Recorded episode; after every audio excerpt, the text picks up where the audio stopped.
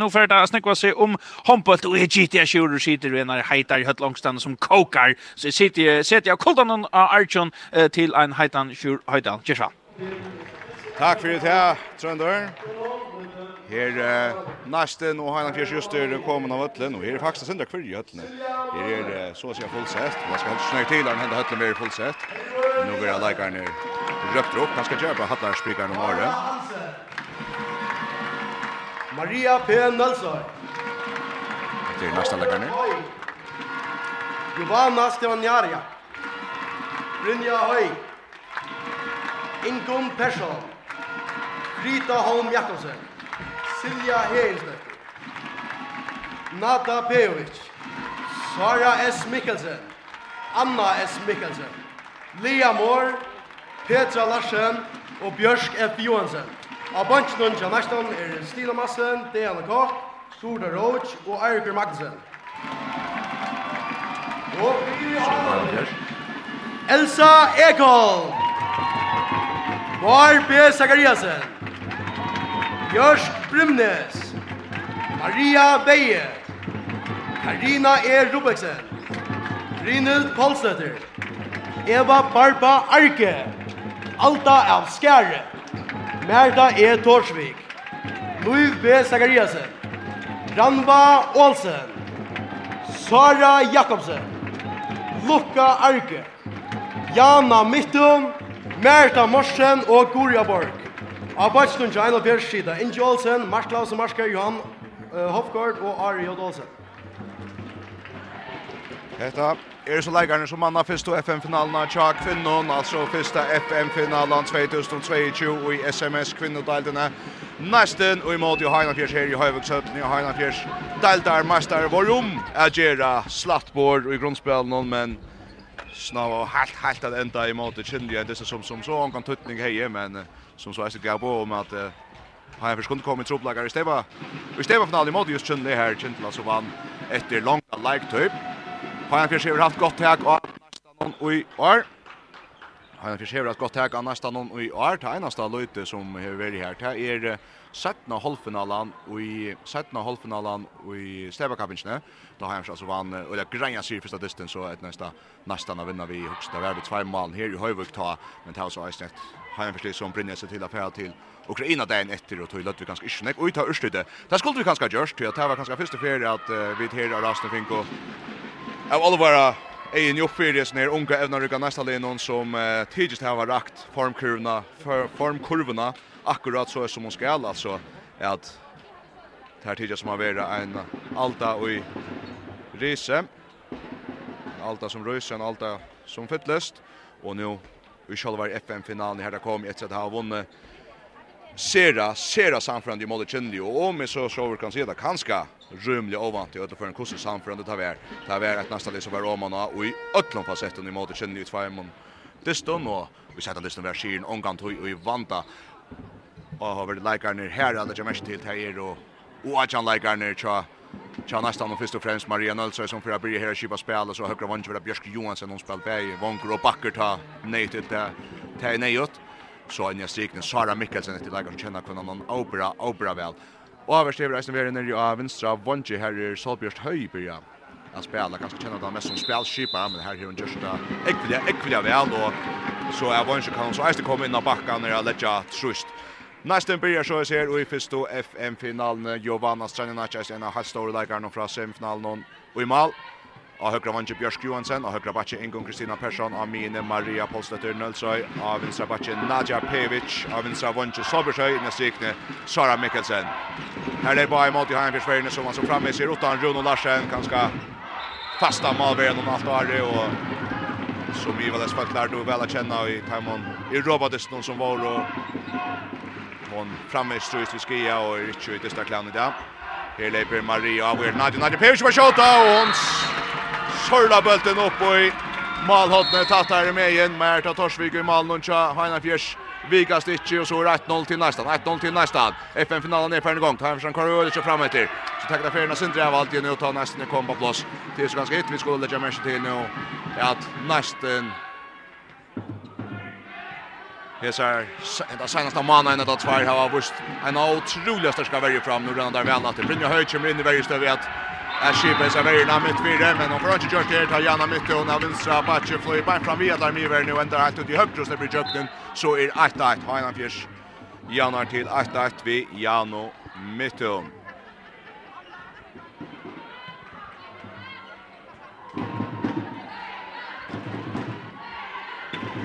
nästa natter och jag låg in och hörs hötterna sent där. Jag kanske får läsa sent att de inte var så fort som hon måste ha varit i den finalen men jag ska folk i det så gåna komma i hötterna ett läge kväll klockan 21 men här fylldes mer än så Jag fallt in och tar kon så så jag nästan får ett broadcast. Här Jökten brott mitt för Ingon Persson och för Jökten och tar sin högra över Fortnäga med till Torsvik och har en fjärde man om Bjarkar men med Maria postet till Nölsö kan ta broadcast i här Maria Börjar sen där och har lägger in John Otto för för return att till Jimmy Jöknen och Marta Bjärgar om att men hon vill så mycket tröst Maria att här ska vara brottskastet Nutjon till nästa. Hon får inte attacka brottskastet. Men eh,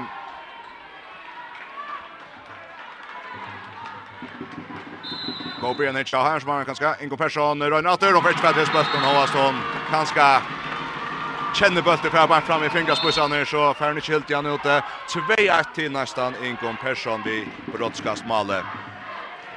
Och i mål tja. Och i mål Malcha. Han fyrer alltså Merta Torsvik. Av vänstra Ponche Randvolsen av vänstra backen Maria Vej Amini Jana mitten och högra Batche, Merta Morsen högra Vonche, Goria Borg i strik ner på Sakariasen. Två procent Löv Sakariasen som in i vägen stövet till fyra också för Mario. Men kanske vi skulle gå och checka det att det kom åter. Har jag försatt ju alla på 4-2-1 här i FN-finalen där första FN-finalen har fem mövlion. Snurr ju bara första men att jag cyklar. Det för gärna mitten av Jesus och en av Pierre affär.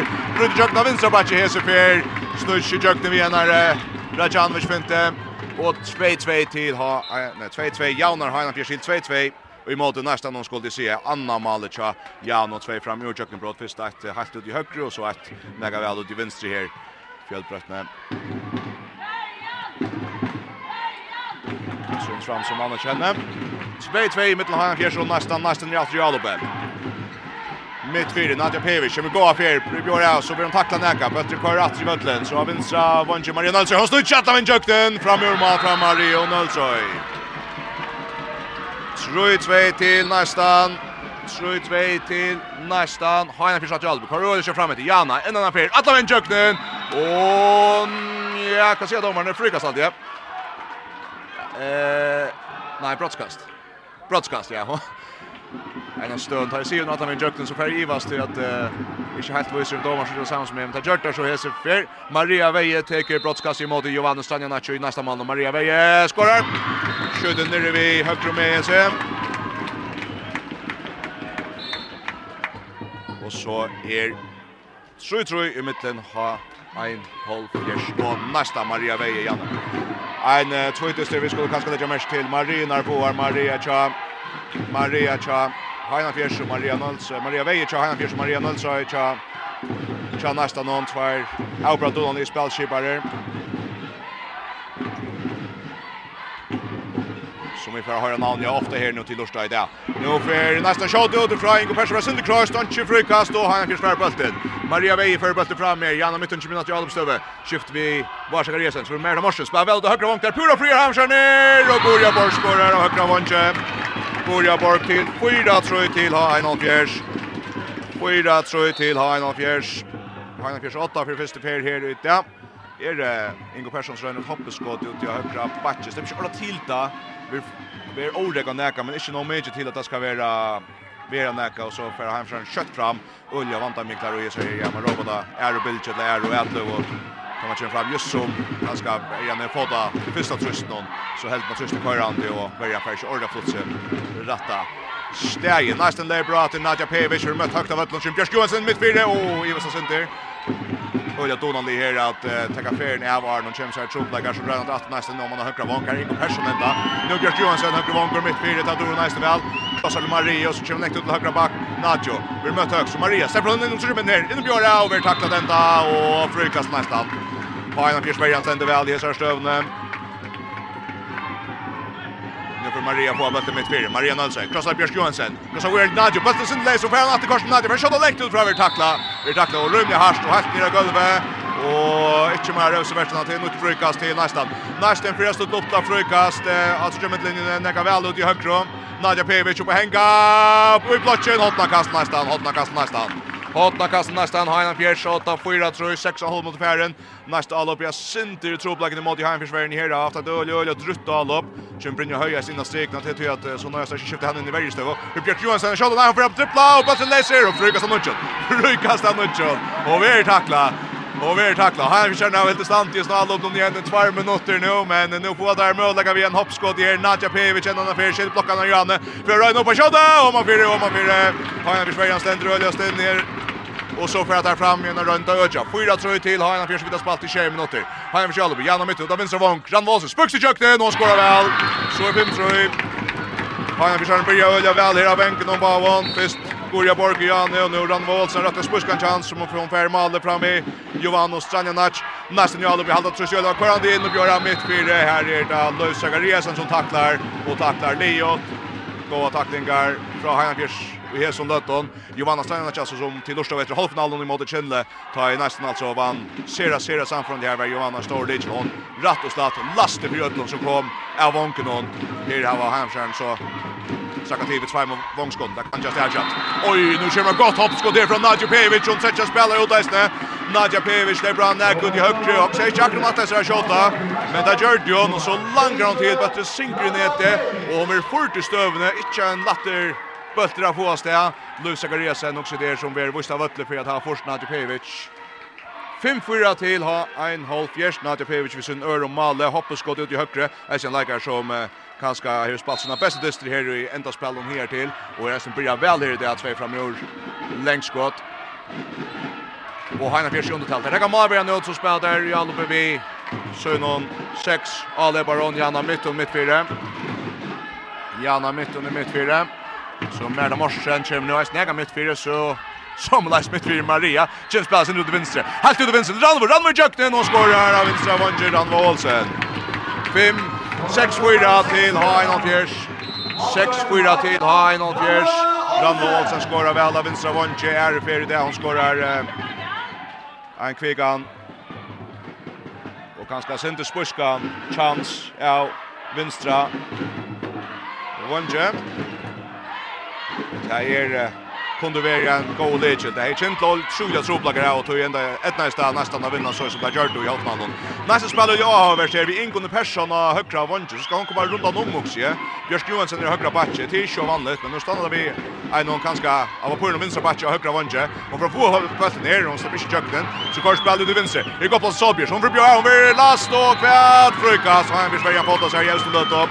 Frukast till nästan gott blåst Solbjörns först i att han kommer akkurat och satt ut där alltid. och så ska han in i vart natter. Honje Domaren som upp här. Nästa kvinna är en flyer all upp någon och då vinner så också Solbjörns pura för Solbjörns höj skorar.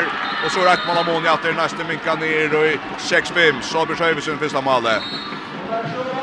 Gåa bulter fra Mario Nølsøy Mitt fyra som som hoa flyta verna. Ett Ever ska löjta center. Högre med sig och så sänder bollen kvickliga. Vinser med sig och så Sabers hög. Gopplos av vinser vånge Ett mål av Moni efter 6-5 till ha 1-0-4. Knapper touch mot farne. Merle Marsen hade vi en uppskott så vi är till Jan och mitten. Jan och mitten. Maria Vej mitt fyra. Sen runt med den Röna finna mer till tackla väl Nadja Pevic i tacklingen Där vi har gott bort Nadja för att ha hållit touchen också över alltid sin passe. Vi så mat att det som man vill ta till att det alltid nästa kvinnor Irritera som tar gola korset till bara väl varst och det går gå kors visst ta. 6-5 till Heinan Fjärs vill ha spalt knappar 20 minuter till Leipa här. Är det fullman här nu? I vill ute i vill ta underta stöden skulle säga rattliga väl av det. Finger skora. Sjösta lopp och nästan skora sjösta lopp och som att det får inte missa Malien undanser. Men det måste skjuta upp bra och Johanna Bjärgar. skott ger amplet där för mot mål åt någon långt med genom kämpa högt in mitt fyra höka till Johanna Lisa skott i Bjergar väl så för att skott nästa kvinnor. Maria Nolse för bättre Björk Johansson som missar där färna sönder. Nadia Rönner helt halta tröst från vänster. Sunamina Maria släpper fram igen lägga in och stigna och frigast. Om Etnas Marie och Nölsøya finna Sara Mikkelsen i striknet här är rätt av Tamon. Halstersk vapen som Jag vet att Ev så jag själv vi satt där i O16 finalen i fjör och watch up finalen i år till några där då öl väl att finna kon annan här var de ett nas men han försvarar en chimney för och för tackla. Frukast till nästan till Tietje 6-5 till Hein och Fjärs nästan rönna Jauna. Spelar sin dropp visst i högre vi Björsk gymnasiet och Trusta. så Kim Björsk inom 20 meter. Krossar Mario Maria. Upp en gång och skjuter näga fram i och vi är Oregva. Domaren ser inte nog till att de är fort till att frukast. Hajersen fra fram för Dödja. Maria Veje för bollen fram. Innan strikna. Varsågod Resen och hon sackar in om sig där. Ivet sakten mot Matti Fjärs. Väl spalt fram Mario Vejen till Varsågod Resen och strikna. Men här är Ivet sakten till Matti Hajanfjärs och nästa för framåt sen. Nu kör runt av Jauna.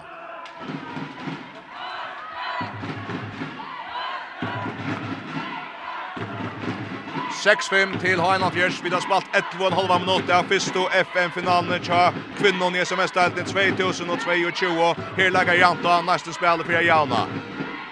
Og høtlen er veldig vakna i her på med vi. Bjørs Johansson, hon fra Lusra plass, ja, hon kjøper den i kjøkken, hon må bruka fyra fred for å slippe i kjøkken, og så er Brukast till Hajan Fjärs, Hajan Fjers för fram för Dødja. 6-5 til Hajan Fjers framme. Vi har köttspalt, vi har köttspalt i 12 minutter. Janne Mytton, kommer in för Björn og så släpper fram igjen, Laika så från Penka. Brynja Høy, fäktar som tacklingsna men hon vil dömd för brottskast. Janne Mytton sier at hon vill tackla upp emot i Holsnon og domaren pratar Laika om eh, till när att du ska göra något vet inte. Kan se der?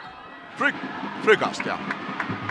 Okej, okay, det har Tätar pratat om. Det var om det skulle vara frukast eller brottskast.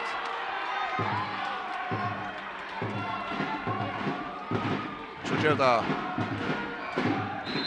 Nå er uh, Anna Hotni i Høyvsette for uh, Verla Liva her. Det er uh, et godt rommekort av nesten noen. Damer kom vel av Sutja og Høyre ikke minst. Minst som er en Och kommer sida backen till Virja Schitter Heimersfältön. Svär att det vill lägga bröstom.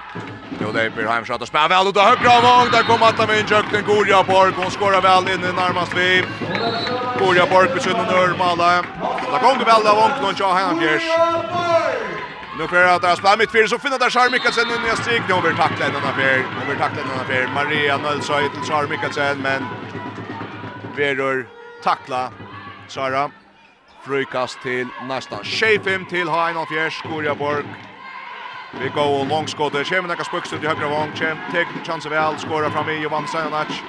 Som en spännande tagga. Hon är pura och möjlig här via Gerard. Tja, Kittelsvången. Oj, nu spelar Maria Nölsa i välje i nästa lopp någon. Hon tjänar fotfint av Vinsa Och Så centrum värläggar nästan helt ut i kjörsna. Och så får den jöknen vi tackla här efter. Det brottskast till nästa Maria Nölsa Vi framgjord fint. Och ut i vinstra Batje. Ingon Persson för att täcka brottskastet. Skora i Sudfista, Röjn Ratonio. Och skorar! Skjøyte Nekko på i vinstre med seg, Malvergen etter ho etter bøtten, men ikke noe mye. 6-6 til Hajan Fjers, nesten her minka mål av Malamone, Hajan Fjers for å skifte Malvergen, Merta Torsvik, Gjør håndna til Aldo Askjære som kommer inn i Hajan Fjers-Malem områden som nästan på Mario i spel på ända matan innan innan fynta vi vill säga släpper en mot en och stänta väl till Her lever Heimersson, Merta Morsen, högra backen, Janna Mitton, mitt Maria, Maria Vej, ursäkta med, av vänstra backen. Janna Mitton, för kött ut i högre. Så fyller sig väl nästan. Kommer då vänstra bakante. Önsver Jack Purvis, Maria Björra, Janna, näga Purvis. Så från vänster, Button läser, nästan nära, nästan nära i bulten. Brynja höj, högre upp, kastar mot högre, Önsver Björk, Josef Rischen, nåda bulten. Bulten och länkor, och så hänger hon attast. Nu är hon ensamhet fram, ja, Hersholm, så får Hersholm fram efter. Ranma Olsen, spukter Jöknen! Och Ranma Olsen, drevsar, här så, men stärsdom från nästan hon. Och så är det 8-6 till Hainan Fjärsson med Olsen. Loppa bulten upp om Giovanno och i nästa mål någon. Och nästa fyra skiftar Malveria. Silja Müller. Och att John Lansers Malveria att komma in i målen nu. Så här har vi det där. 1, 2, 3, 4. Och att John Steva vinnar och förra mästare av bulten här i FN-finalen i SMS-ställningen till kvinnan. Her leper Nadja Pevica ut mot högre. Björk Johansson in mot Mini. Att Nadja så vänster back. Maria Nölsøy. Maria in stig stigna. Åh, han gör sjön kommer mot den. Mer de morsen. Och så Freda Kött här sjön går jag bara kunde pura in som att hon kommer ner högre och loppar i målet. Nuccio 6 till Hainan Fjärs Gorjaborg. Vi ser någon sia målet. Stina Masse nästa vänjer hickar ganska sent där. Nej, Fritchet gröna korsen än. Det ska se kanske helt det så så det hittar ut om hon har haft hotell men det här är hon inte än. Två nästa misstag som vi har rövsa nu. Två bult där. Ta en ju igen och Shadow Lopez som inte rätt fram och Boa för när vi där rövsa väl. Gorja Borgas vid sin sida mål i högra våncha. Vinstra våncha här ser Ranvås skora tre mål. Ja. Kjell Lövis in trouble för nästa veckan som rullar störst mitt fyra. Nästa veckan öde störst mitt fyra. Men Hanna fick skorar väl av Vonknon. Här leper nästa nå. Och Hanna försöker lite det bort någon.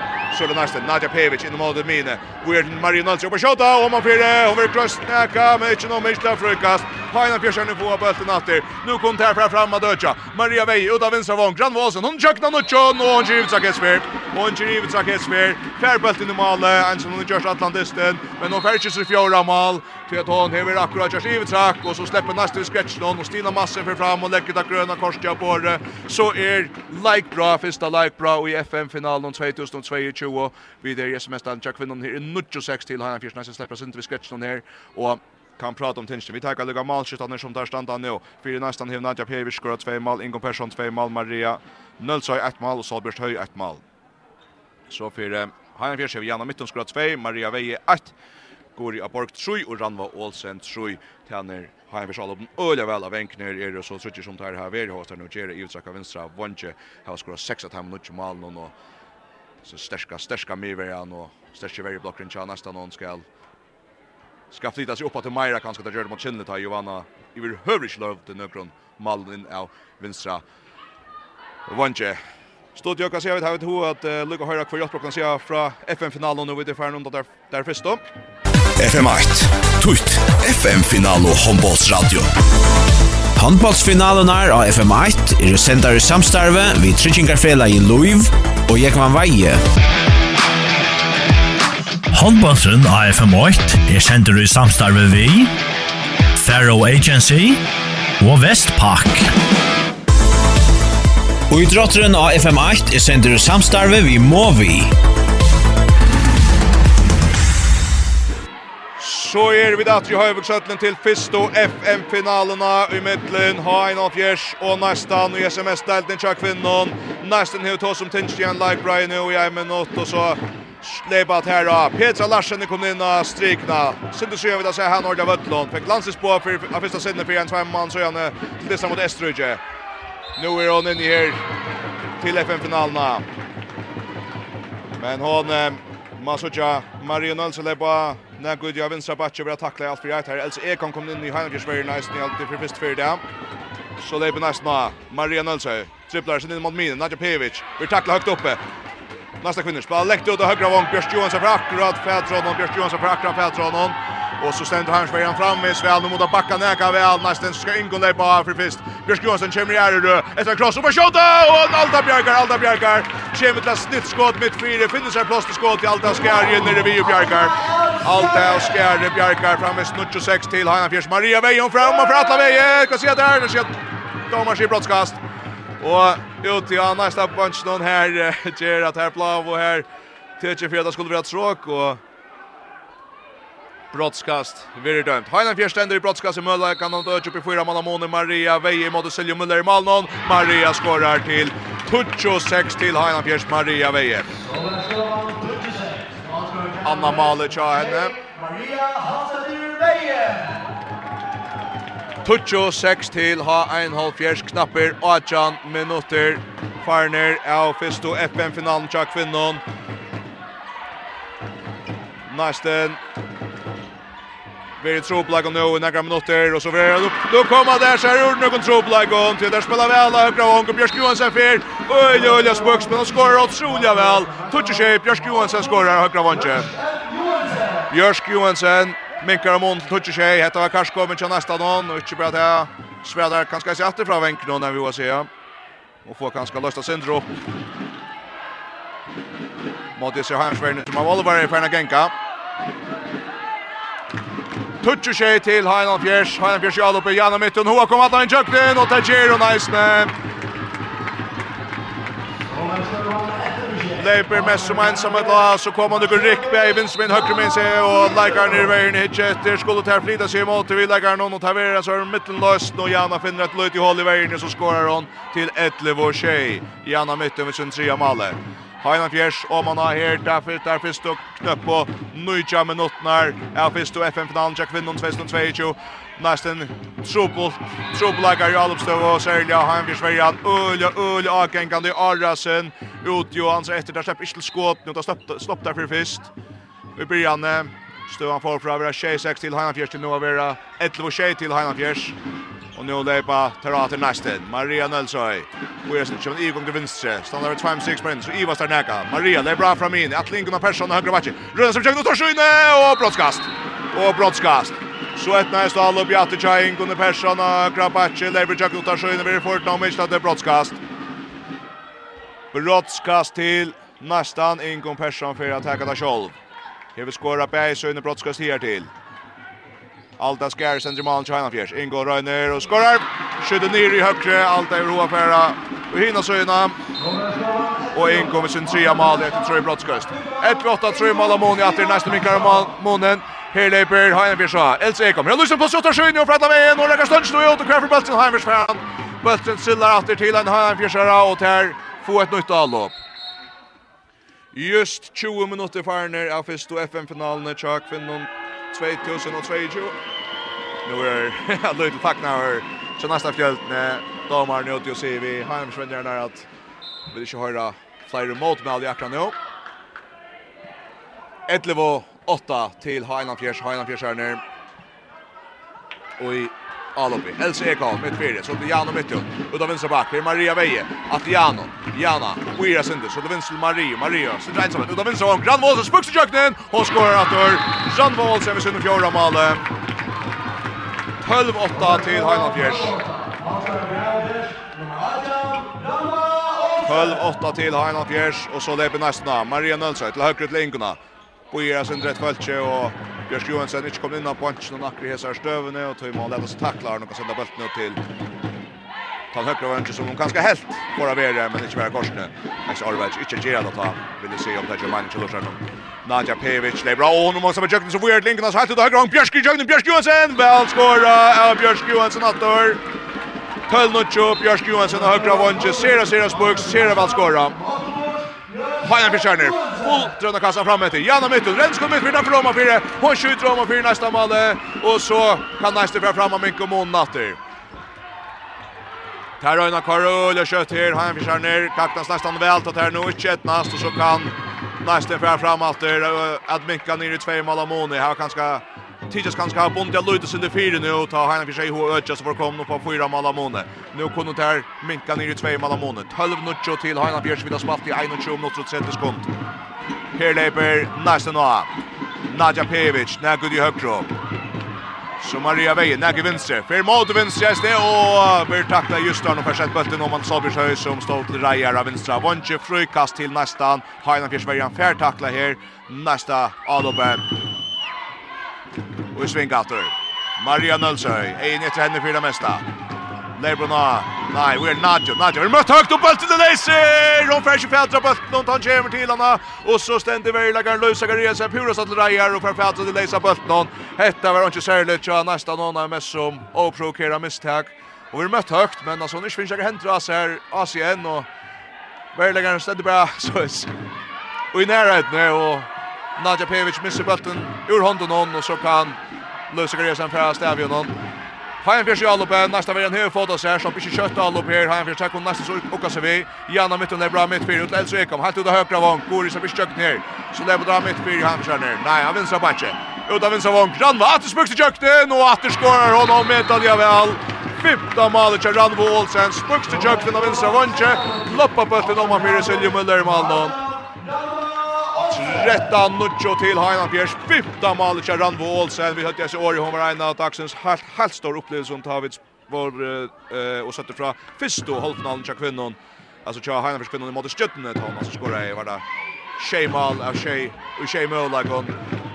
Shemal på Shei Mölagar i förra halvlek mot stjøttene og gjør det sutt til at han finalen ikke ordentlig spennende. Og nå gonger det vel til veien til Hanfjør Solbergs høyre om han kommer til Åker, men så kommer han blokker fire, og så får der bølten Hanfjør ned, bare sikker resen i kjøkken og skårer og kjører fem mål av måne. Fjørsta nuttjo til Hanfjørs, bare sikker resen etter kjødalopp. Vi nu akkurat och huxat detta tidigt som har varit gott jökt en brott från Salbjörns höj mitt fyra men så kommer han armen fyra just de ska skjuta Hoa som inte skjuter akkurat i runt och skjuter ner vi Alta skär för fatta det läsa bulten va och så går Gröle sig fram efter bara Zakariasen ensamt framme och har en 48 första nutcho Här lever Ibrahim Shater. När ska nästa nater. Så vi säger högra backen nu. Maria Nilsson och skjuta rymmar skott från Maria Nilsson. Hetta var kanskje kommer till nästa någon. Maria vi så nör og Malmö och rymmar hoppar skott när går till högra. Jørstad touch till han fjärst nästan i min kommun att han har försöker öde sig fram efter. LC kom ut och högra vång. Goda Borger jökte och så Bjerga Giovanna och i nästa mål någon hon kom in där och hon hoppar inte på att gå rätta sig loppa alls alls inte. Hon får med så slipalt ner efter så går hon sen upp där. Och så fäller skott nästa kvinnor. Ingo Persson i jökte man Bjerga med brottskast. Brottskast. Her er brottskast til nästa. Ingon Persson som blir väl i jökten av vänstra backen. Alla vinner jökten. Verford. Just ska skjuta. Alta Skär Bjerkar men til Ronja Sia. I første etter til er brottskast til nästa. Ingon Persson i emot Alta Skär i Hemsmannen. Och Ingon skorar. Och Ingon skorar sitt fjärde mål. Och på så fjorda brottskast. Her har vi en några utskiftningar i stället nu. Like Ferner opp her. upp mal Troi Malamone, fyrsta etter til Heinan Fjers, Lea Mori kom inn av vinstra vang tja, nesten noen 1-1 og Adjan Leikare, og Ikke minst Skyros i atlet her fyra Oajan legger som har lagt ut her vid dista bryantna er yngre Oajan om tar jo meining, altså. Her bare, her spiller Oajan til neste år. Øyne imponerende. Heimersen har veist en nekker av Taimon. Sara Jakobsen kommer ner, halt Esten Oajan-leggar. Ja, for å få bøtt ned, og for å få bøtt og stikker til Johanna vid Støybjergjeng. Johanna Senja nærstrakka til vinner Støybjergjeng just at det tøyver at du. Där kommer Pura Fröjera strik. Nu har vi känner med Johanna Bjerka vi fått någon och så färra. Nästa kvinna fram till finna Leo Mora. Vinstra vunnen med en skjut. Roma 4 och 4 ratteliga spökst och ska aldrig som justeras sig center i luften och så sända bollen mot där långra målhotten uppe vid men fyra om han fyra och Hemsen fram framåt det kunde ju upp i fyra mål efter tre mål av månen första nätter till Heinan Fjärs här är det fyra och en halv minut rätt tra fyra hålla i av till FN finalen 2022 Heinan Fjärs 8 Heinan Fjärs om han här i fyra hålla i men Giovanna Strandanac nu kan hon kanske göra några som på nästa Jordan Vicentel hon kan lösa upp till nästa någon Och det blir time na boost. Och nu är det gammal i torp för kön till Els Ekholm så han blir spruter och jökna högra backe och vi tacklar de stämmer jökten och så är brottskast till Hainan Fjärs Maria Veje för att häga. Fjörstan 11 till har Hainan Fjärs knapper 4 mot 6 för hålla Maria Veje vid brottskast någon. Hon skorar. Hon skorar. Centerbulten. Näka upp i högre minns. Giovanna sätter sig och han sätter mål åt om vi. 15-1 till Heinolf Fjärs. En uh, att sucha till rymlig igång till nästan någon annan löte men nu lösnar jag efter i Heinolf någon. Elsa Ekon kom in och Björn väl av högra backen och släpper att han vinner jökna för brottskast. Nästa natt Jalbe, Sobersjö i mittfyrer. Björn är och bötten läser! Och för natten Sobersjö alltid. Ja, det gör hon. Har jag för henne se att här är bulten. Peter Larsen och Solberg efter bulten och dyster vi genom mitten och tar på alla händer han håller Solberg så säger det för inte allt jag säger. Domaren är samtidigt vi Solberg som är. Och nu vill ut på sig klar fjärs. Genom mitten ska ha vötle Maria Nölsøy røyner, rutta seg leise under tackling til Jan, og Jan slipper ikke, og så ender han nesten vi hålla halda fast i, jeg halda fast i, uh, skal man säga, kjørstebedje, altså, touch 18-4 til Maria, og han vil Busta vart på ena vägen genom mitten. Det är som döjen stöva att det här hänger fast där åt att har Harsbergs hand till något där. Blir slatt till att släppa akkurat. Men nästa vi vi går stöv i här att mycket att Fyra mål måne 15 1 till Highland Fjärs nästa och i evigt stöv. Brynja Höjkemren och spelar strika Sami Sar Mikkelsen. Så det är Maria mittfyr. Nej, Solbjörn kommer från Framini, och så stämmer det bulten og stikker over fram, Jötla Heiersen på han, så følger seg fram till Goria Borg, för Tuskan fram, att fram, och skorar. Goria Borg, otroliga kvickliga för han fram i flyer nästa leggaren, trippla seg helt fram i, och så Nesson brukar sin ekte fyrir, bara släppa bulten fram i, Jovan og Stranjanac, fram urskjødda då från Goria Borg, Jora Malic Gori. 16-1 till Heinald Fjers, skjødda loppen til Heinald Fjärs här var vi Ein måneder her, og i Brøverbenk, det Goria Borg og Randvo Olsen. Nuttje malen sammans, femte Randvo, fyra til Gori. Han smalta fram ur fyrir halvleik, og så blir det tråkig mot nästa någon. Ein feil screening mitt fyrir til nästa någon, og så kan Hain fra fram at 16-11 til Hain han fjerst, 2 minutter etter fyrir halvleik. Hain han fjerst, og man har Hesar fyrst 28 minutter her, og kommer fra fram och Dutcha. Tar skiftet ut etter. Enda en affær, skillet ut høyre bakke, så blir det at løyte like bra. Tomaren, oi, her er Galvi, Galvi fløytene. Her dømt ham out. det er en særlig støva til at her er Galvi hattarluren, altså. Klockan lovar inte ta Inge Olsen eh, lägger gröna kors till Borg och domar på et systra att larma. Och sen där vi att ropa på domaren, domaren spelar ska gränja till hom eller vi var senast då Och så säger vi såna är det inte att ta out och tar vi inte. Är galv tekniskt någon. Och det är sjönde. En par av tökten som är i handbollen som ofta skall rycka till kommer till fyra när jag känner stövet ta en en liten något det så jag det så kan det vara rätt rätt kaos vill jag säga. Men jag tror för en hem för ner be om att ta som tension i en minut och tätnast och Utrolig av alt dammen her i fyrra hållage. Skulle mest som bara hosa hans Jon Kosse där får stöna och så upp att det bättre nu är en sättna hållage här alltså 16-1 till Heinland Fjärs. Vi tar målskyttarna här. Nadja Pevic har skått två mål för nästan, Inkom Persson fyra mål, Maria Nölsøy två mål, Solbjørst Høy ett mål, Bjørsk Johansson två mål. Så för Heinafjärs är det Jana Mytten tre mål, Maria Veje tre mål, Gorja Borg fyra mål, Ranva Olsen fem mål och Var Sakariasen 1 mål. 16-1 til Heinan Fjers, Heinan Fjers her nere. Komnar vel i gang til FM finalen her. Vi måtte kanskje sutja til en formstersk og neste leie, men Heinan Fjers her nere vil greit om han har her i fyrre halvdaget. Særlig en øyelig agent av verja som ikke gjør det løyver nesten noen til nekva møllager. Har vi ikke haft særlig en skåt helt der nesten om framtid som er ferdig med alle og Så er det några vänker till han som har Oliver att sacka till och Sergio Feria gör Louis Surs för nästa. Nu kör Merda Morsen kommer fram för att hänga när Weird Elso som Weird til Mario. Maria gör av Nego Devins Abache och skjuter med Pierre Frykastar. Frykastaren Maria Veje. Tja Heinafjärs. Lebra Vinsabacho stepper om oss där besökte men nästan var helt fast. Så för mera morsen har hötta. Vi är till Maria Veje. Maria näga mitt fyra. Hygger mot Signe. Så skjuter hon oj stor spelta stäs och Giovanna Bjärkar men det flyger staren och tar vi som och Lais en utvisning till nästan. Petra Larsen ska ha tackla och Ekvusli och Maria Veje. Och hetta var det ringt inte för nästan till att de fyra sekund så just Hanna Fischerner. Fullmanna är Och ändå står han tar att säga att eh, Mikko Månen är synar givet hans stöv och nu är det själva runt Italio i två minuter igen. En minut rätt av fyra håller inte. Har en förspel av vänstra och åh, där stjälar bulten nästa kvinnor. Maria Nölsson stjälar bulten, tar vi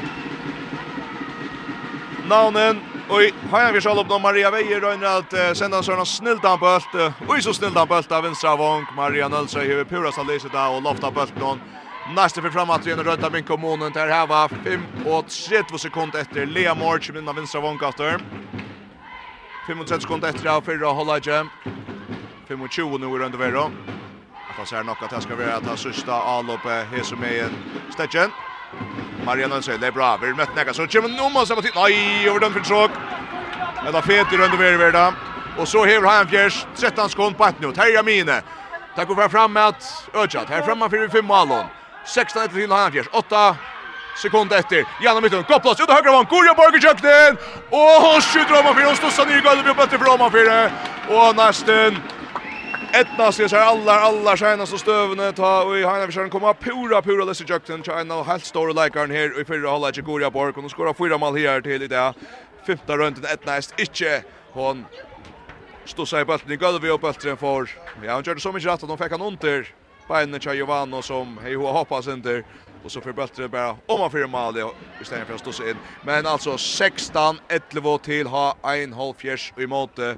Nästa någon första FN-finalen i Gunstopa Stas tja Heina Fjärs i måte. Nästa någon nästan hever också tå som där skulle få mera klia all och spelar skulle rättsla få klia att de allra mesta chanser här är att han för de flesta och utan de flesta stöv Eh har stora stora troplagar vi släppa fram i Heimfjärsvägen och nu har komma fler dömningar av tråk och feton i motsätt att röna så att alla är upp för sjön alla uppe och komma till sina möjligheter. 16-11 till ha en halv fjärs.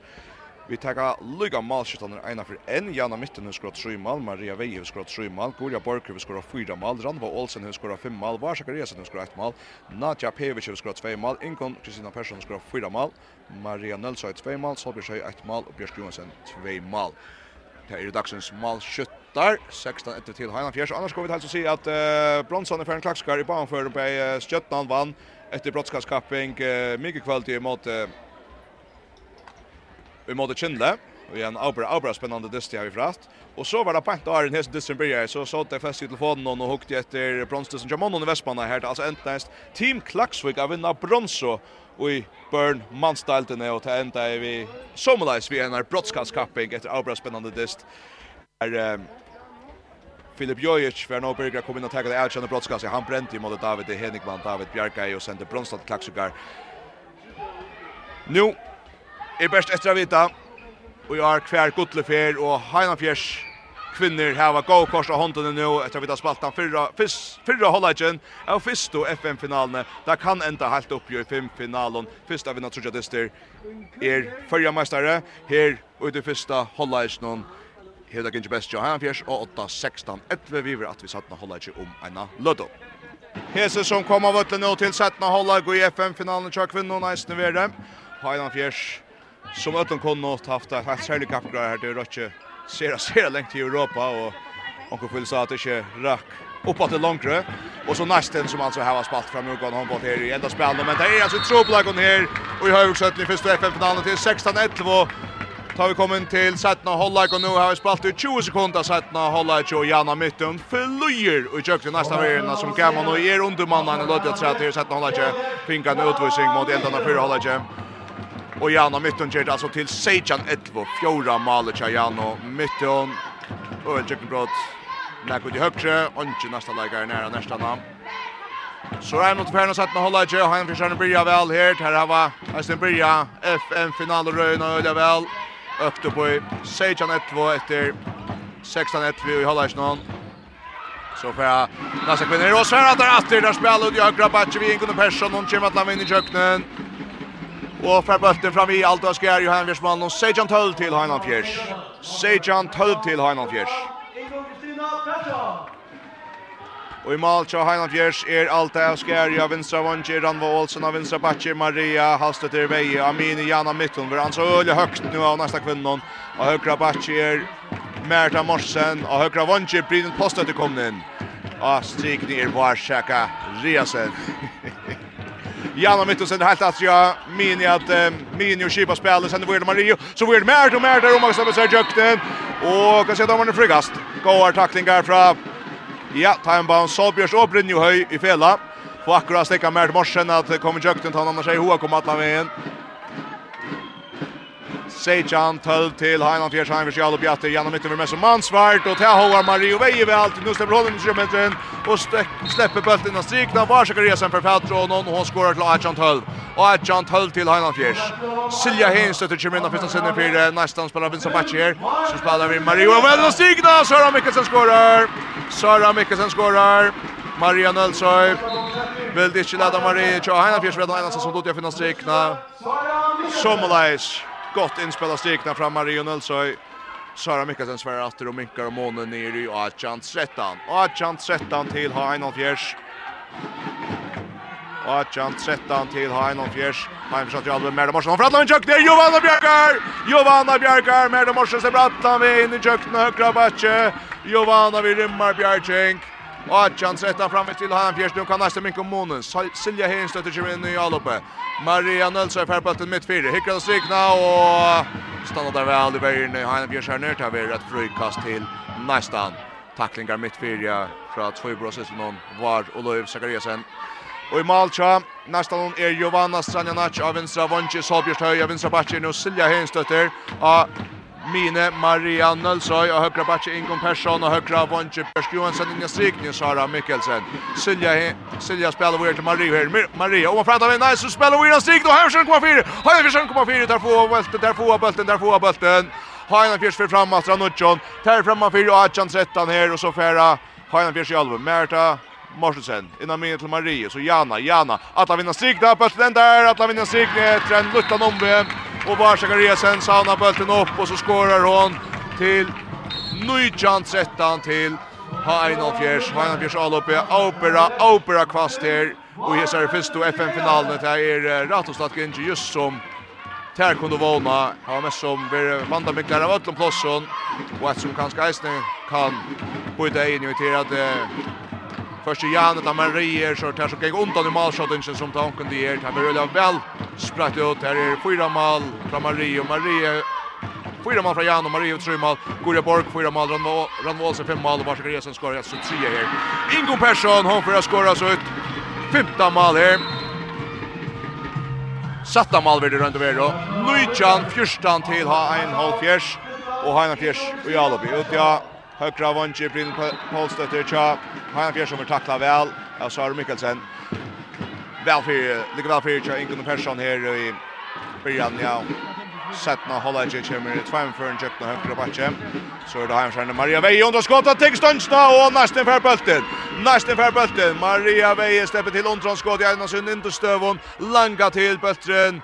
Vid höjran träffa Stönsta näka så väl han stöcker ut till nästan. Så spelar här den stigen och här blir utvisning till Anfjärs. Maria Nölsö røyna finna Sara Mikkelsen, och hon vill helt enkelt fast i trøtjena, och hala bort ifra. här och atlas etter bulten hon, och Merita Morsensen vil vista bøtle. Fyret her, skal ha hålla i trøtjena, tja Sara, Sara Mikkelsen. Här på Maria och Sara pratar samman nu Ja. Skoldamen mån her. Fem alla månen, Nordjan Fjörstan til Heiland Vi vidar spalt i fem minutter av settna hålla av fyrst og FN-finalen tja kvinnen i år 2022. Her leper Maria Nølsera, høyre vers Ingo Persson. For Adlan Jøgden, og bøtte Studjen, og ber til hova fra Skaja veien. Här var plats in efter, hon får ut efter och kör rätt spukst och så stöcker hon bulten fram i Alda skär i korsne bulten snurr snurra det sista petjen. I fight av era kända mål skänkerna. Nyjan 15 till Heinalfjärs.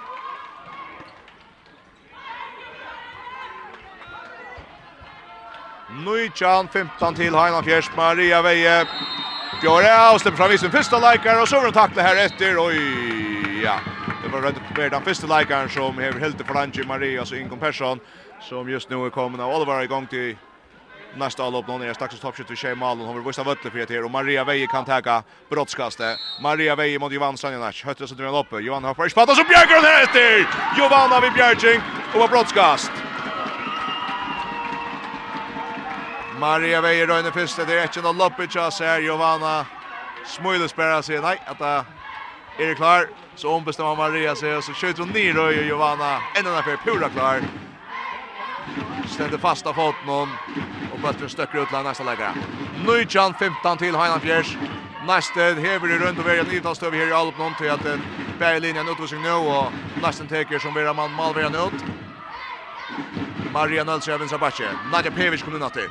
Spelvärjan vill tackla beina vägen så lite lite om bulten om man har högra vång. Ehm hon blir så tacklad över frykas till nästa nu står han här försörjning. Han ska hålla där ja, Peter Bulton, Jordrich. Silja Henstetter spelar vidare till Nacho så en länga på ut av vänster vång så blir så touch sig för Petron Korsne. Så kör han länge på ut av högra backen Silja i jökten och brottskast rymeliga alternativ handbollter från nästan här. Det kom flera trutja sändningar. Alltså Herman Leibran likar Rom och man spelar från högerback och vänsterback och och man har vunnit nu åter och så ända då jag ser Hensson att hon tajmar ändringen som chansar väl allt hon får han i händerna så tvådans i jöknen. Hajan Fjärsarner och senare att läsa fyra och så blir brottskast dömt emot Hajan Fjärs och in kommer Frida Holm Jakobsen att täcka brottskast. Och i mot och Torsvik och i Heimersmallen. Och Frida skorar. Frida skorar.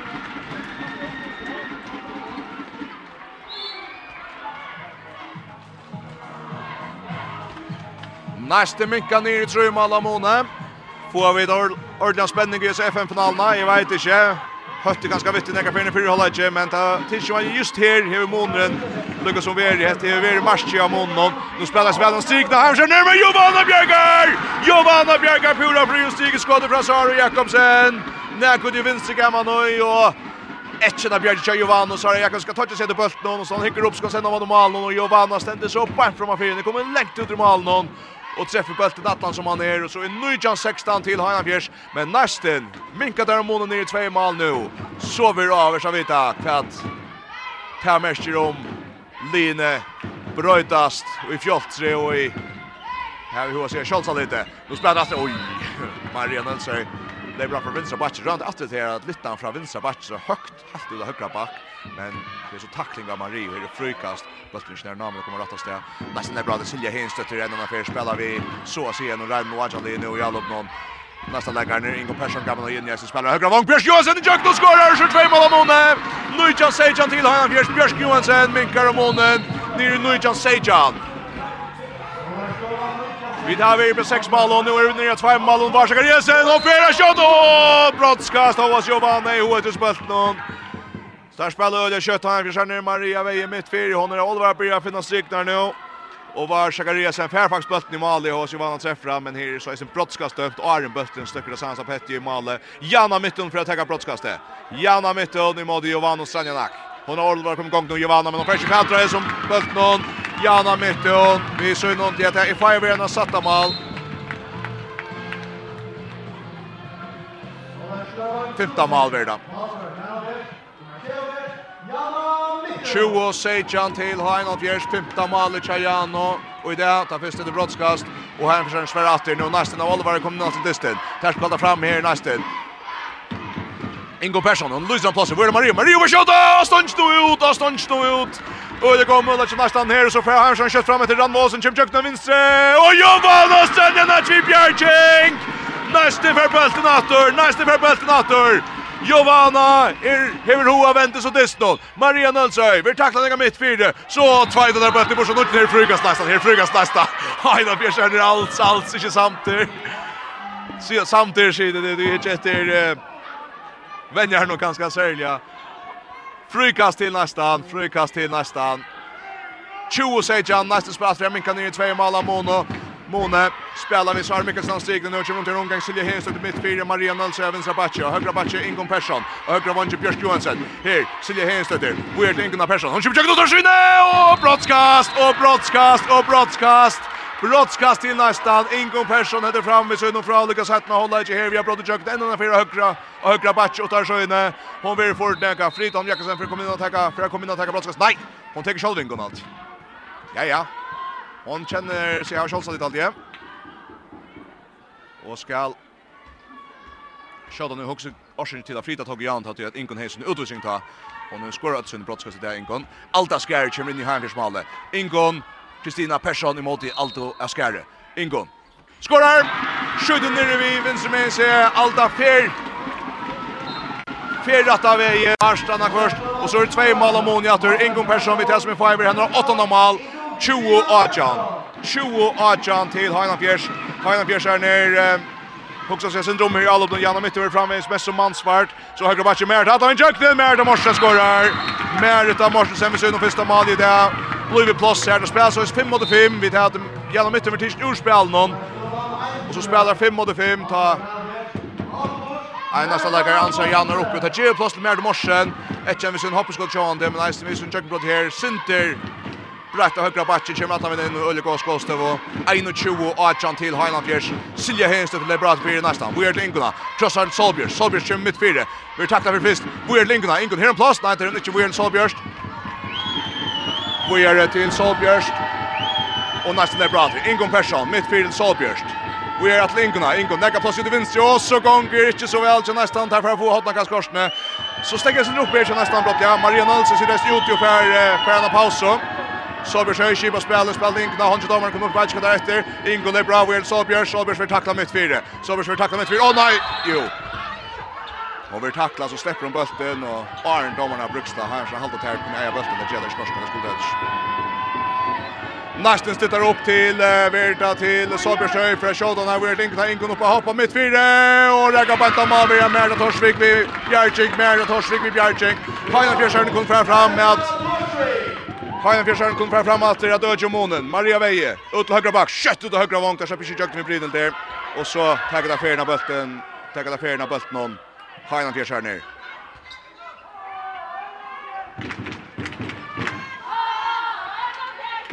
Fajan Fjersjøren leper av til Maria Veie, og så rødder vi en brottskast! Hon ger den lutta fot vinner mitt fyra så Snejer sig sen till vänster och släpper bort fram i Verlagaren och Ver Oleg här efter brottskast. Janna Mitton tar och skorar.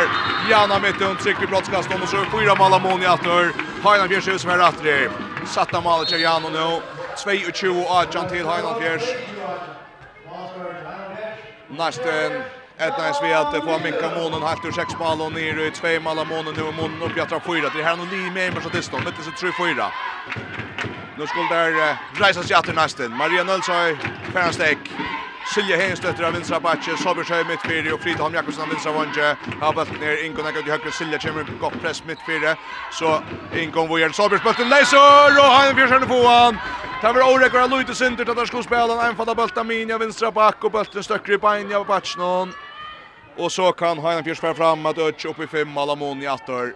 Och nu har vi bäst ett gott kort här efter vi har 16 och en halva minut efter att spela. Och Dysten som kanske är hoa att koppa Sindri mot nästan någon annan hoa koppa Sindri i natten nu. Maria Veje och så vänder vindjöknen. Hon spelar väl nu Maria Veje. Fintas igen och fer fram vid Sunne Leikara och så ratte brottskast, så ratte brottskast.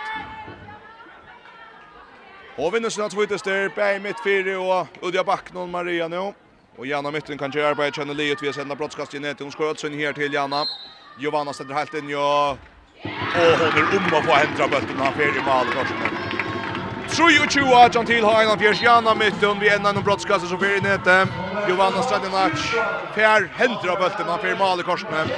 Tror ju ju att han till har en av 16 mot 30 första FM-finalen i kvinnon. Och nästa ska få oss åter. Han mist tre mål nu och ett luktar löt och att gör det för det spänner grejer distan. Silje Hens det blir väl av er vi tacklar väl Leisne. Vi tacklar väl Leisne. Var och Löv och i värne tja han Björst vi tackling gång. Silje kan nästan någon.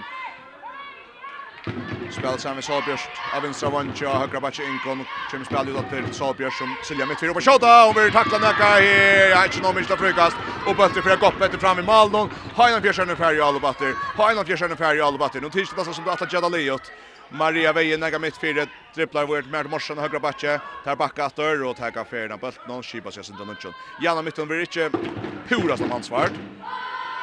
Och vill skugga vart. Färs bulten runt över Fritam Jackson och Anson Ölevan där sanda Så kan Frita Eisen backa in i bergen av Eisen. Så spelar sig halvt 5 mot 5. Kan jag försöka ner. Om det blir nejot så kan Frida släppa sig när mansvärj och kommer upp till att se bergen i efter. Maria Vejle Bras. Cross on Jan. Jan stäpper fröjer. Bojer. Björau. Vi tacklar för fist. Merda morsa för bötter. Så backar där Öjle. Timeshare. Jan har rönsar för Visum. Visst lägger sig ut av vissen. Råkar vast på Randmo Jökdel. Randmo Olsen skorar. Och så är 4-2 Adjan till Highland Fjärs. Månen upp till 6 malen. Randmo Olsen. Vi ser nog satta malen. Och ett är Avverda stöver till rättast nästan och väl och tidje Jan och mitten sen på ur spel någon hiss för fjärde runden så jag synd läsa var fältra bulten någon hon är inte orka och innan stöver som borde vi vanta med för nästan men tar för att fram Ansen och så lägger han länge en bult ut av vänstra vånk och här är pura frukt till Randvo Olsen som skorar väl efter här. 4-20 Achan till ha 1-4 vid har knappt kort här efter spel Finns första FN-finalen i kvinnon. Vi tar det kvar Jotbrocken ser från FN-finalen i håndbollen. FM8, tutt, FM-final og håndbollsradio. Handballsfinalen er av FM8 er sendar i samstarve vid Trichingarfela i Luiv og Jekman Veie. Håndbollsen av FM8 er sendar i samstarve vi Faro Agency og Vestpak. Og idrotteren av FM8 er sender samstarve vi Movi. 24 18 til Heinolf Fjers. Nu vid hava. Er kommet inn i den seneste dysterfjøringen her i første og FN-finalen til kvinnen. Det er en dyster som Heinolf Fjers har vært om han har fyrt det meste. Men eh, her vi satt med hållag så kom nesten vel en dyster fikk mykka ur 16-11. Helt nere i 20-18. Men så får gänga hivet. Här Björsen har skorat fyra mål av det här efter. Nästan här blir om timeout.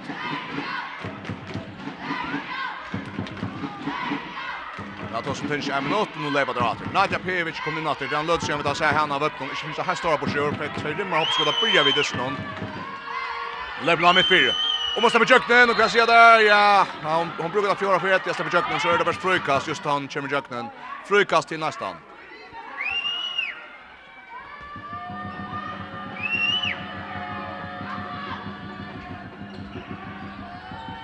Så det var nästa kvinna att Björk Johansson kommer att Werner Marie han och bara skjuta på och stänknar och ut och kurs för bulten. Jag häpnar så helt inte men här ska vi se ja.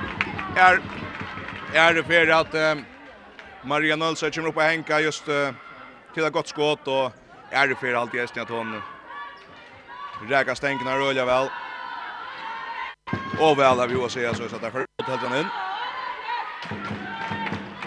Fyr og tjugo og atjan til Heinan Fjers Heimers kan nødja til Merda Morsen Høtt vi en hoppskåd finner Jan og steg mitt fyrir mittfyrs för Merda Bøtt Natter ut av høyre vång Brillen Posset for spukst i kjøkkenen og Giovanna Bjergar og Giovanna Bjergar Ja ja Hetta vær Lidslen ta i næste kombinator i testen för Nødt og Sjøane Hon skal finna nekkar särliga Bjergar fram till Giovanna Nu røyner Røyner Maria Nilsson finna Sara Mikkelsen i strikne om etnas ettnas ölevel en hick borster Alveringa så hickar mot vinstra backen spelar innan sekla men han försöker stanna framme i sfyr och få att tackla.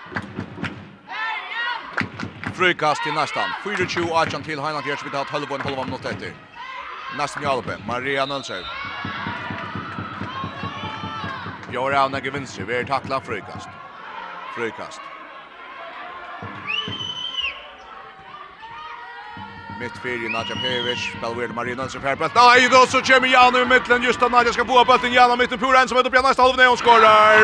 Och hon skorar. 25 Ajan og Åkersvekna kjennes dette som ja, en eika, eika. Dikker smiter för nästa när man kommer hesa stövna just då skal lite hötti och arbeta innan till distan. Du mäktar den tvärför när det är komme innan till distan och Minka Fytt om månen och nu får han ökast vid att eh, Brian Champions stjäler bulten. Ingo Persson och hon kommer jöknen helt ut i högre och skorrar. Merita Torsvik i Johanfjärs Malnon träffar bulten men han skruar där Sansa Petti in och Malina. Nästa för mål att vi Ingo Persson. 5 och 20 och nöjtjan till Heinland Fjärs. Heinland Fjärs i Alubjatter. Randvålsen jökte denna för Giovanna Björker Esper. Men tar vi rinkast till Heinland Fjärs. Tar vi rinkast till Heinland Fjärs. Fighter var nutjenda mål till Ingo Persson. Här för att passa, ja. Nudge na Malcha, Ingun, Kristino, Persson. Hajna första bra till. Här framme så åtta vid sex mål och 25 och jump. Terleper Hajna första Maria Vej, näka vinstra batchen, skjuter och Panta Jovano. Bollen läser nästan för bollen, nästan för bollen. Eller vad? Jo, nästan för bollen. Fjältar på pura och samlar om kurar ända bulten. Jag har alltid något jag sa vad det är helt gjort för och det är helt att det är odelig som är synas jag. 25 nu Jan till Heinolf Jers. Nästen i allopen.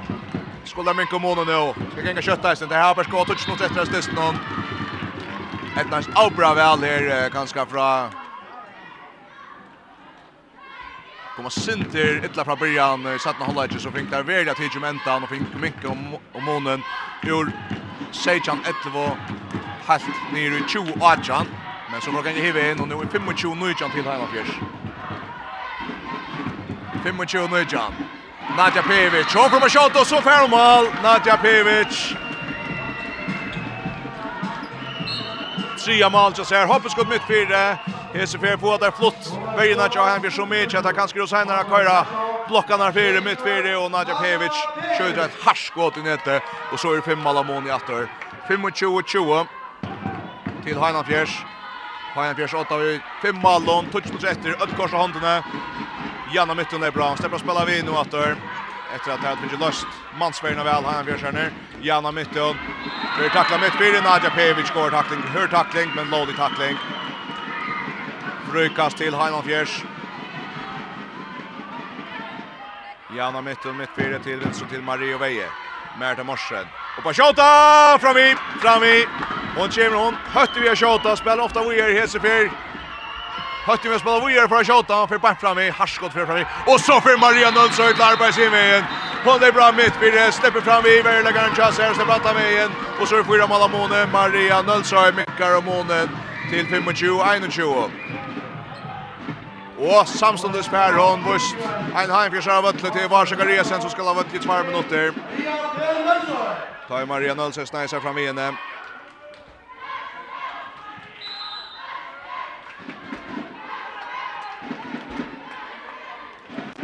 Fem og tjuo, ein og tjuo til Hein Alfjørs. Nesten hever. Atter Minka og Månen her, nere i fyra mal. Der her var alt sammen skont, nutje minutter etter å spela. Heina Bjørsjørn i undertallet. Nästa kvinner lor etter Toma Malen til Heina Bjørs. Fådar fædra bulten her i veierne. Gjennom mitten først. Det er bra for Heina Bjørs. Så får det Marie Veie. Og så fådar fædra bulten! Og den kastar fram til Ingo. Den kastar ham inn i bant til Malen! Og så er det Trumal Amone. 25-22 til Heina Bjørs. Just det där lurt du efter till Maria Nölse som stjäler bulten tar i Heimersjärns plats hemma här och Aken kan till nästa värld och där signar för att bulten Heimersjärn nu tar vi rad till nästa fjöltne Där hon går Mavi in i utlägga det smaka helt att jag får fätra bulten. Vi har sett domaren ner. så Ekko är det live till nästa folk. Bonkeren lägger trusta sig att här vill jag ha armen till domaren och Domaren pratar om det. Mer det måste bra för han Fjärs och så tar Inge Olsen. Gröna korset lägger där på Rubir om like bra. 25-22 halde han ser att det är att det så kanske kan skäkas nu har han Fjärs här nästa nästa kvinnor Tevi okkor skulda det etna stamon er kom i atter ur enden er trångare støv og her er 8 minutter etter 25-22 til Heinanfjers men det er ikke helt livet enn. Nesten er kom inn atter og det er atter og etter 24-18 han nu mikko månen nere 25-22 Og vi tar lukka kvar hjelpbrokkene sier fra Spennande FM FM finalen tisdag så. FM 8. Tut FM final och handbollsradio. Handballsfinalen er av FM1 er sendar i samstarve vid Trichingarfela i Luiv og Jekman Veie. Handballsen av FM8 er sendar i samstarve vi Faro Agency og Vestpak. Og idrotteren av FM8 er sendar i samstarve vi Movi. Åtta minutter etter Rapisto FM-finalene til kvinnen. Heina fjörs 8, 25, 22. Tälja har gått til time men der har altså mistet sinne borsa Lesslene. Som er hatt 24 18 for løt og så igen. Vi tar 8 mot etter å spela. Og nästa folk vill jag ha att Honja Domar komme rett og kött opp i, opp i loftet her. At han skal gjøre till ett fyrtal. Kongo bøtter ikke selv jo Henrik her. Oj, tar om med seg bøtten. Og får kjøre opp på gulvet, så tar han. Maria Vei legger pressa under høyre. En seg kan komme inn. Hun skjøter fra Vial, det er hun legger stund stod ut. Og nesten fær bøtten. Nesten fær bøtten. Nesten kan være fremme av Minkan i tvei malamånen nå. Tjej og en halver minutter etter. Ut av vinstback, Nadja. Åh nei, hun hon tråkar sig bant i veien, och skal spela av vidare men släpper sig av i bulten. og så fyrer hun bant i veien, vägen och nästan kaktus dricker sig möjliga nu och får spenning at att seg først, og FN-finalen till kvinnen. 25-22 til Hainan Fjärs, Hainan Fjärs i Alupe, Hainan Fjärs i undertall i 16 sekund. Så får det helst spalt hette Alupe Leo, så mye Leo till derfor här får synläggare i nattor känner som att en dyster som dandar och löjter sin till och nästan ska ta fast nu. Koppar det här till Brynne Paulstötter som bästa sin och läser nästa färbälten!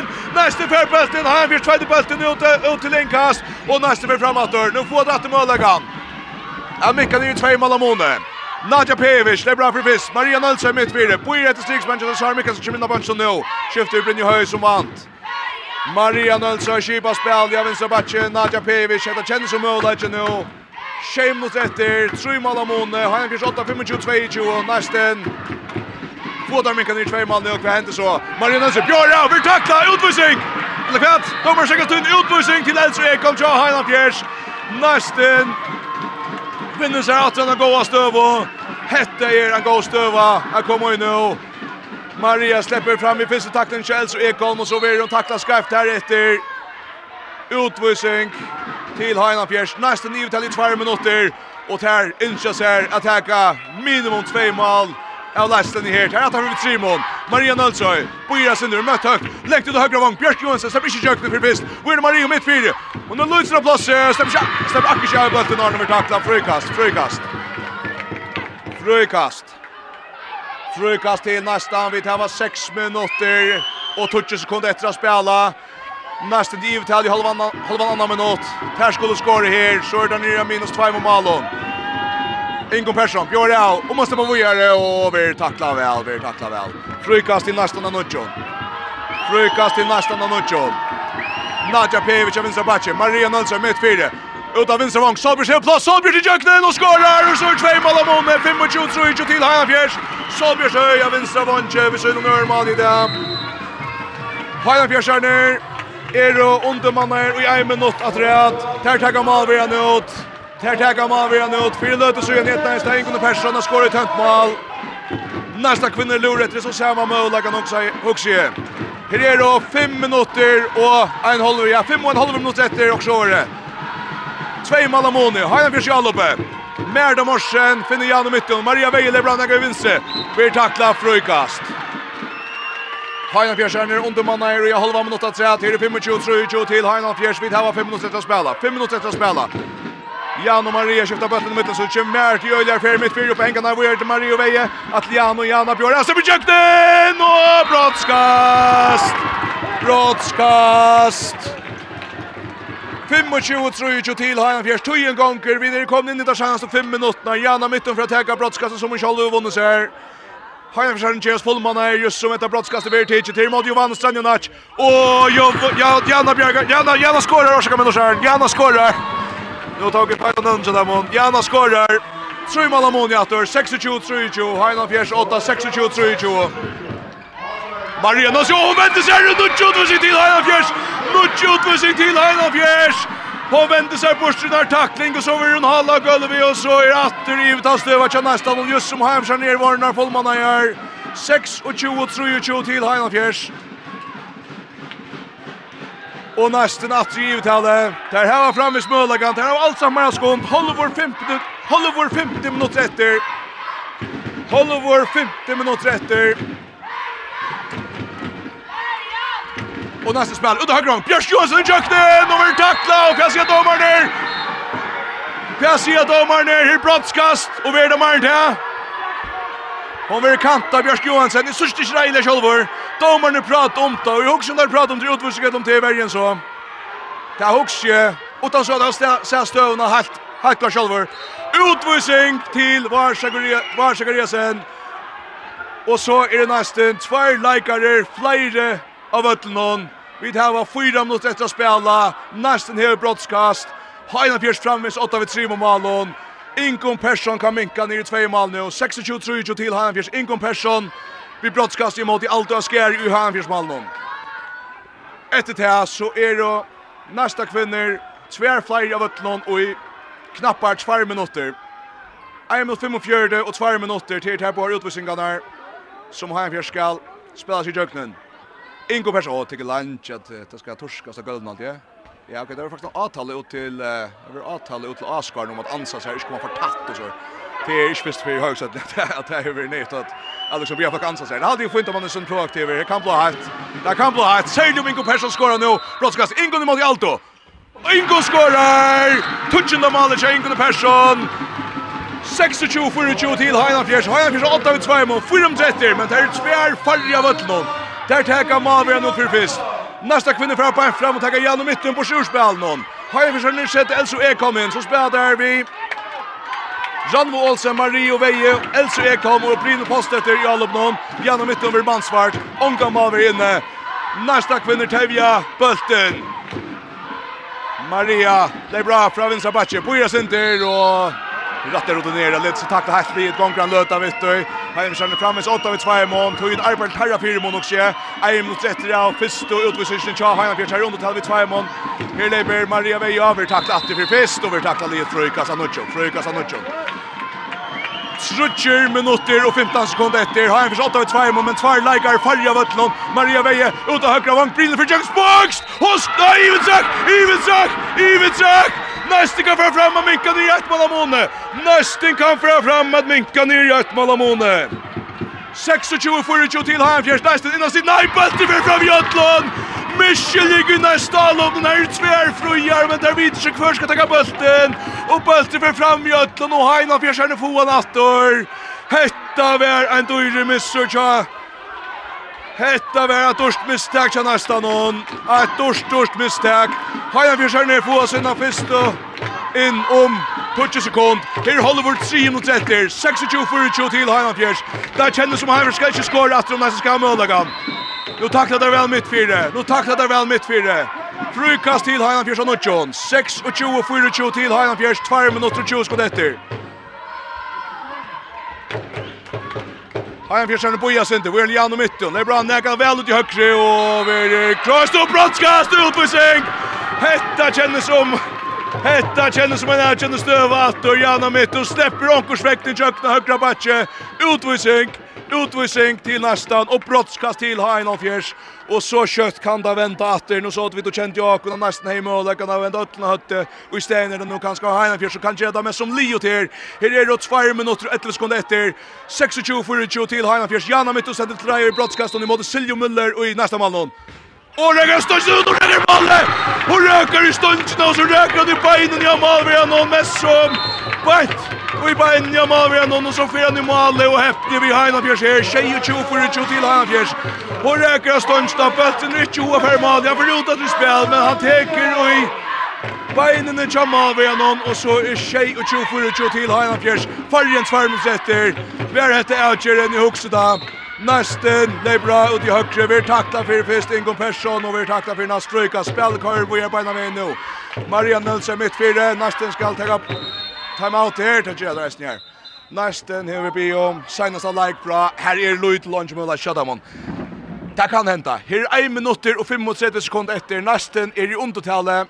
Och i så att säga alla tar att höjna. Där får sin lägre intalet av resten 11 sekunder. Och Og her er altså 24, 24 til ha 1,5 nesten skal. Ja. Der skulle skåra på en av veien. Der skulle altså prate om hvordan det skjedde alle opp, og der skulle gjerne skåra trutja ferien her på halvann av nått. Og så er det her, hvordan farst opp bulten trutja ferien her til ofta nekka vi at uh, du kan satsa på stjela bulten. Og ettast ikke stjela bulten på en av veien, så måste du nesten løyva leikar noen frutt i jøkken og satsa på Giovanna, etla Silja i rundovero. Fjær Bjarka. Her er 22-24 til ha 1-8 Vi tar 1 minutt og 35 sekunder etter det, og så er først FM-finalene som blev heit og blev spennende. Håas Heimsen, her var noen Atlantisten.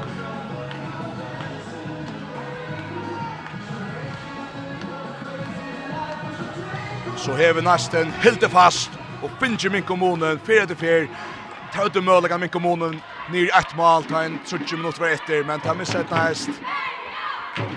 Otrolig ohöp, en stor misskilling i nästa alla punkt. För Mariano som har skjutit upp ett Bergen, har en försökt få bollen. Han har försökt få bollen. Hetta måste vara att här Farre, ja, runt över Persson går om något rätt här. Och i högerksotten har han försökt kunna öka på fyra mål av Mone. Tar spel ut av spel, nästan kommer ut att arka. Men jag också att det är Ronch Nevio med att Hainan Fjärsson är färre vid första FN-final. Maria Veje, mot i högre, brinner på sig, men Pura Leis som skorrar. Och så är 28-24 till Heinan Fjärs. 28-24 till Heinan Fjärs. Brynhild Paulstötter vi. Här som är färgvinna första Stamma, Heinan Fjärs spelar vinna, första FN-finalen av Tjack Finnon. Spårningen är just skadurste det värdet till som sån, jag säger. Ingon Persson, en av storläggaren där, lever bra för högre, vi tattar för det först. Fyra Malamoni, 28-24, 5 mot 35 sekund etter Næsten Lebra. Näka mitt fyrir, och så blir det i pakten här av heimafjöldene, og der prøver vinna bøtt at det er veirstøv, og så kom der øtj opp at det är Det er det stämmer inte ner vere. nästan är høtt flera för vi har ikke det helt spennende i sette holda ikke. Mikka nye tvei mål av måned, men så får det koppa Oliver Oliver igen Så är det Oliver av att koppa himmelen. Og Hanna Fjörsjärner lägger på kunde öka på fem mål nu. Det kändes det som om skulle vara så stora. Här högra vänster Pil Postet. med Pura Leis och loppar och skorar. Pil Posta till sista i det är att ända 24 24 till Hanna Fjörs. Men det var en dyster som hej av så spänning. Men Hanna Fjörsjärner vinner alltså Fisto FN-finalen har tidigt första stitchet att Simon Tär har varit hörva. Och det är alltså vi 24-24 sikre av nästan hon. En dyster här så lägger jag inte av börja vi men sälja Och så räknas sätten i Hellbrinkarna förra hållet att ta för Heimskärren ontan en Aker Verja som vann några bultar. Benker som skora och otroliga väl ett näst alla lös upp i nästa vägen på han matan. 16 1 stod i hållet som det blev Sage och 1 stod i satt med hållet. Men från Sage 1 så fick nästa linka ner i 20 Ajan. På kände vi nu har nästa möjlighet. Så Sverige har han satt i för på 4 och 20 Ajan. Vi får ju se dem Ta känns det som det är just det etter. Men nej, nesten Sverige etter. Fick minka fyrst i 25, 22, 26, 24. Men akkurat da så få där möjlighet kan minka ner i av Måne. Och en misjon all av den ger at för blir i Ötlund. Och så blir inte mer att arbeta vid tjan nästan om noen hegnet fjerskjerner. Gör det da. Men det blir på om att vi kunne ha flera spännande FN-finaler i vant og här.